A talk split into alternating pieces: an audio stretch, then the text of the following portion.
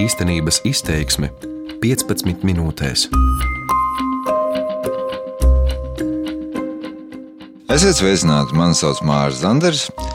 Un šodienas tēma pārdomu ir, ja tā vienkārši sakot, tas, ka bieži lietotais apzīmējums, ka globalizācija ir ņēmusi virsroku pār visu pasauli, manuprāt, tā īstenībā nav. Tā jaunuma sadaļa, ko vispārinot varam saukt par ārzemju ziņām. Pēdējās dienās vai nedēļās rada vielu pārdomām. Proti, domāju, ka vairums no mums, arī tie, kas ļoti neseko līdz ziņām un ārzemju ziņām, vairums ir pamanījis situācijas sāsinošanos gan Katalonijā, gan arī kurdu kontrolētajās teritorijās, Sīrijā, Turcijas iebrukums un tā. Tomēr nav grūti nepamanīt, ka ir atšķirība mūsu attieksmē. Ja Kataloņa gadījumā daļa Latvijas sabiedrības, ja ne gluži ir skaidri kataloņu politiskās pašnoteikšanās centienu pusē, atbalsta kataloņus, nu tad vismaz uzskata par noderīgu kaut ko zināt par Katalonijā notiekošo.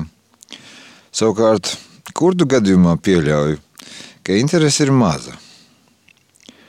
Lai gan teorētiski, ja mēs apgalvojam, ka jūtam solidaritāti pret citu tautu pašnoteikšanās tiesībām un vēlmēm, tam tā nevajadzētu būt.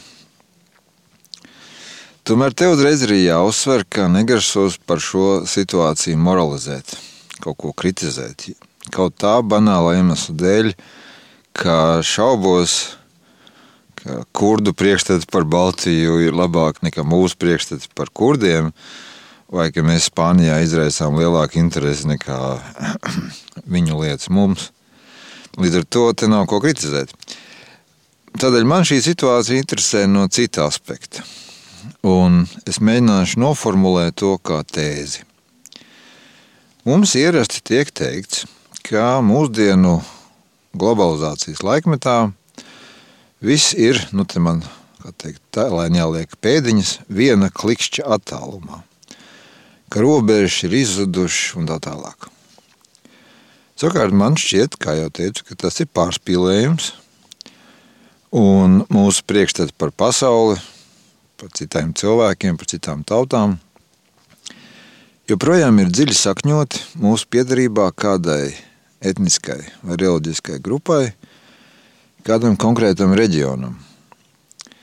Citiem vārdiem sakot, dalījums mēs un viņi nekur nav pazudis arī 21. gadsimtā.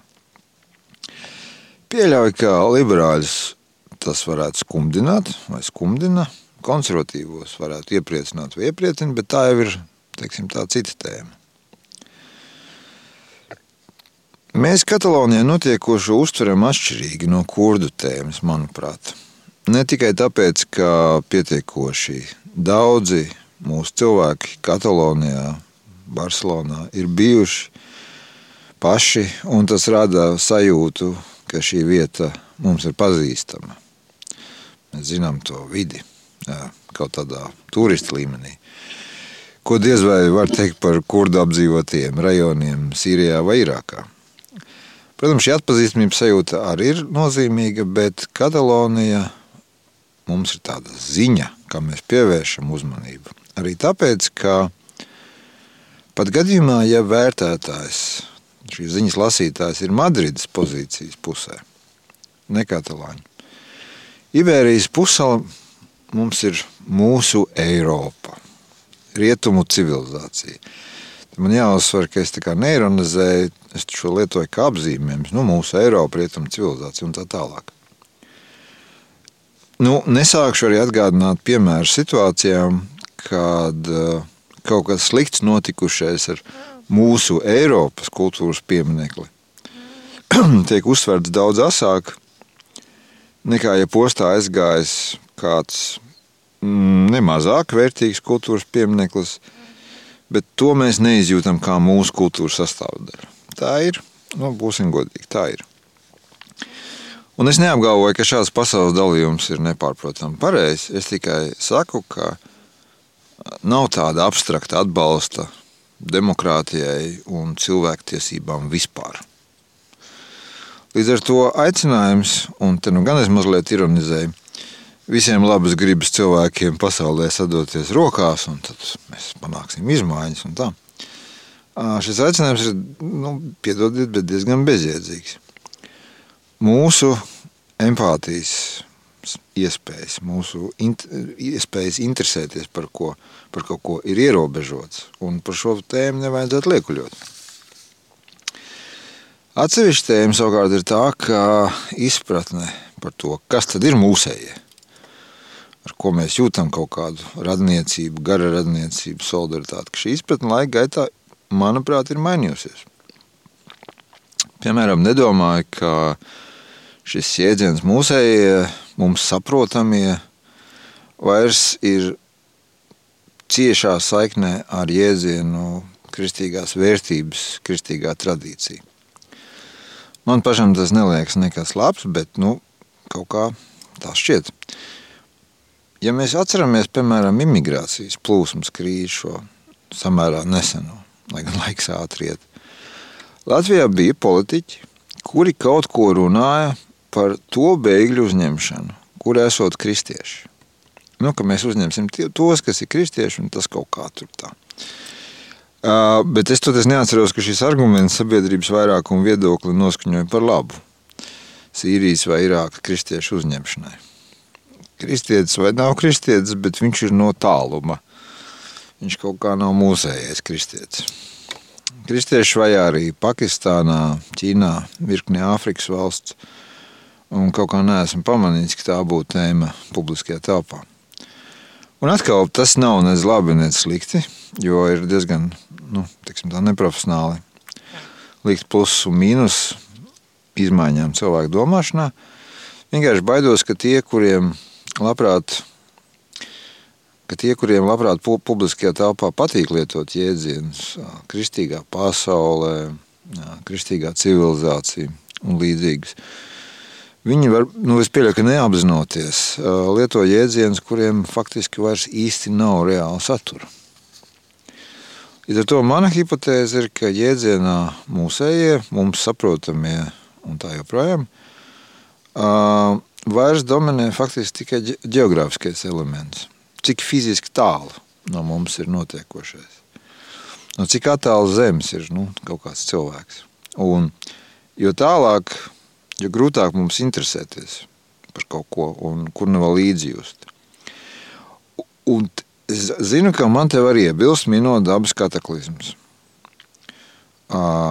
Ka cilvēki par tām interesējas, līdzjūt, lai cik no mums attālā reģionā tās ir notikušas. Nu, riskējot iz, iz, teikt, izpelnīties smagu kritiku, es atļaušos būt pesimists šajā sakarībā – un teikt, ka cilvēku fascinē ne tikai labais un skaistais, bet arī traģēdijas, sliktais. Ja tas nenotiek ar viņu. Citur, ar citu notikusi nelaime, plūdu, avio avārijas vai, nu, dievzin kā vēl rezultātā. Ļauj izjust pateicību liktenim, ka tā nav notikusi ar tevi. Tev ir paveicies, un tā ir komfortabla sajūta. Nu, skan melni un ciniski, bet man tā šķiet. Un arī te nav nekā nosodām, jo cilvēks ir dabas sastāvdaļa, starp citu. Un arī augstu attīstītu dzīvnieku kolektīvos empātijas lokus ir ierobežots. Tāds ir. Es nenovirzīšos no tēmas, bet tiešām arī ziloņi skumpst par aizgājējiem vaļvedīgie palīdz viens otram un tā joprojām. Bet tas parasti tomēr vienalga ir eh, ierobežot šis lokus. Nav tā, ka tas ir attiecas uz visu sugu kopumā. Atgriežoties pie tēzes par attālumu kā noteicošu faktoru tam, vai notiekošais mūs vispār interesē. Un te parādās viena interesanta, tāda intriģējoša situācija, kuras gadījumā gan vairs īsti nevar atrunāties ar cilvēku kā dzīves būtnes dabu, ka nu, mēs nevaram interesēties par visu un tā. Piemēram, minēšu aizvadītās nedēļas nogales vēlēšanas Polijā. Polija mums ir ne tikai geogrāfiski tuva, bet arī, ja tā var teikt, saprotama valsts. Savukārt ar vēlēšanu atspoguļojumu Latvijas publiskajā telpā nu, bija kā bija. Lai gan pašā polijā šīs vēlēšanas tika vērtētas kā ļoti svarīgas, par ko liecināja kaut tas, ka tajās piedalījās lielākais balstiesīgo īpatsvars - 61,7% kopš 1989. gada. Un arī rezultāti patiesībā šīm vēlēšanām Polijā ir interesanti, lai gan valdošā partija var saglabāja. Es neapgrūtināšu jūs ar detaļām. Saiti uz rekomendētu analīzi ir pie šī teksta LSM LV internetu vietnē. Un kā tad tā, kāpēc tik maz interesi par valsti, kas, kā saka, atbilstoši visiem kritērijiem ir mūsu areālā? nu, Polijā. Polija taču ir mūsu areālā. Un man šķiet iespējams tādēļ, ka mums elementāri pietrūkst zināšanu par šiem mūsējiem, par šo mūsu areālu. Proti, mēs braucam uz Poliju kā turisti, mums tur patīk, kādam nepatīk. Mēs zinām, Polijā ražoto un tā. Bet kopumā mana sajūta ir, ka kopumā Polija mums ir tāda vienkārši lielāka, gan geogrāfiski, gan no iedzīvotāju viedokļa Bet tāda pati postkomunistiskās nometnes valsts kā Latvija, nu, arī tās rietumu jaunākais brālis, no kā nekas daudz nav atkarīgs. Līdz ar to, attiecīgi, kas tur ko baigi interesēties. Cik saprotu, realitāte ir nedaudz atšķirīga. Jo pat polijas šobrīd valdošā režīma pretinieki, liberāļi, atzīst, ka jo īpaši pēc Lielbritānijas gaidāmās izstāšanās no Eiropas Savienības. Polijas nozīme Eiropas un jo īpaši Vācijas acīs ir būtiski palielinājusies. Respektīvi, ir gadījumi, ko es ar šo polijas piemēru gribēju teikt, ir gadījumi, kad mēs par kaut ko neinteresējamies nevis tāpēc, ka mēs to tā vispār uzskatām par mums svešu un tā, jo tas ir kaut kur LR ratā, Bet tāpēc, ka mēs vienkārši pietiekoši neapzināmies, piemēram, šīs valsts vai šīs tēmas nozīmi. Jo paškritiski sakot, teiksim, man ir pašam ir ļoti vājš priekšstats par Lietuvas politiku.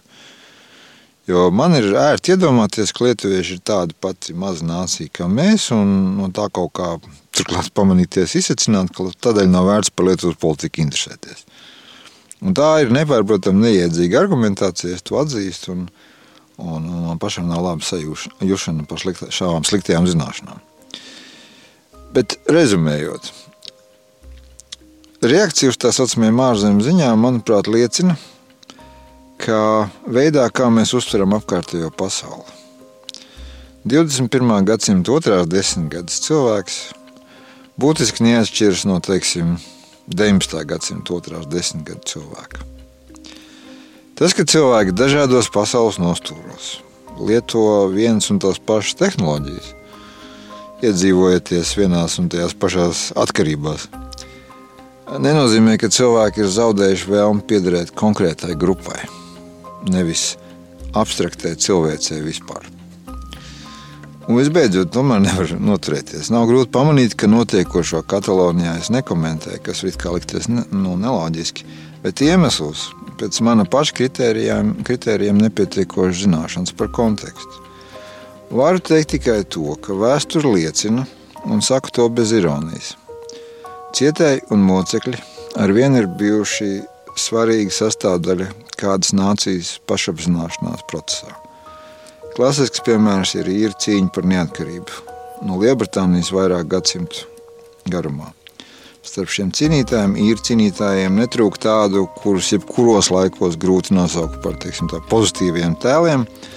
Tomēr viņu represēšana bija pamats īriem justies aizskartiem un nikniem. Nu, daudziem šai tēmai veltītiem tekstiem rekomendēju īsāko. Interneta saiti uz to ir LSM vietnē pie šī teksta. Gribu teikt, no, no šī viedokļa Madride šobrīd ir Katalonijai vienkārši rīkojas netālredzīgi. Paldies! Īstenības izteiksme 15 minūtēs.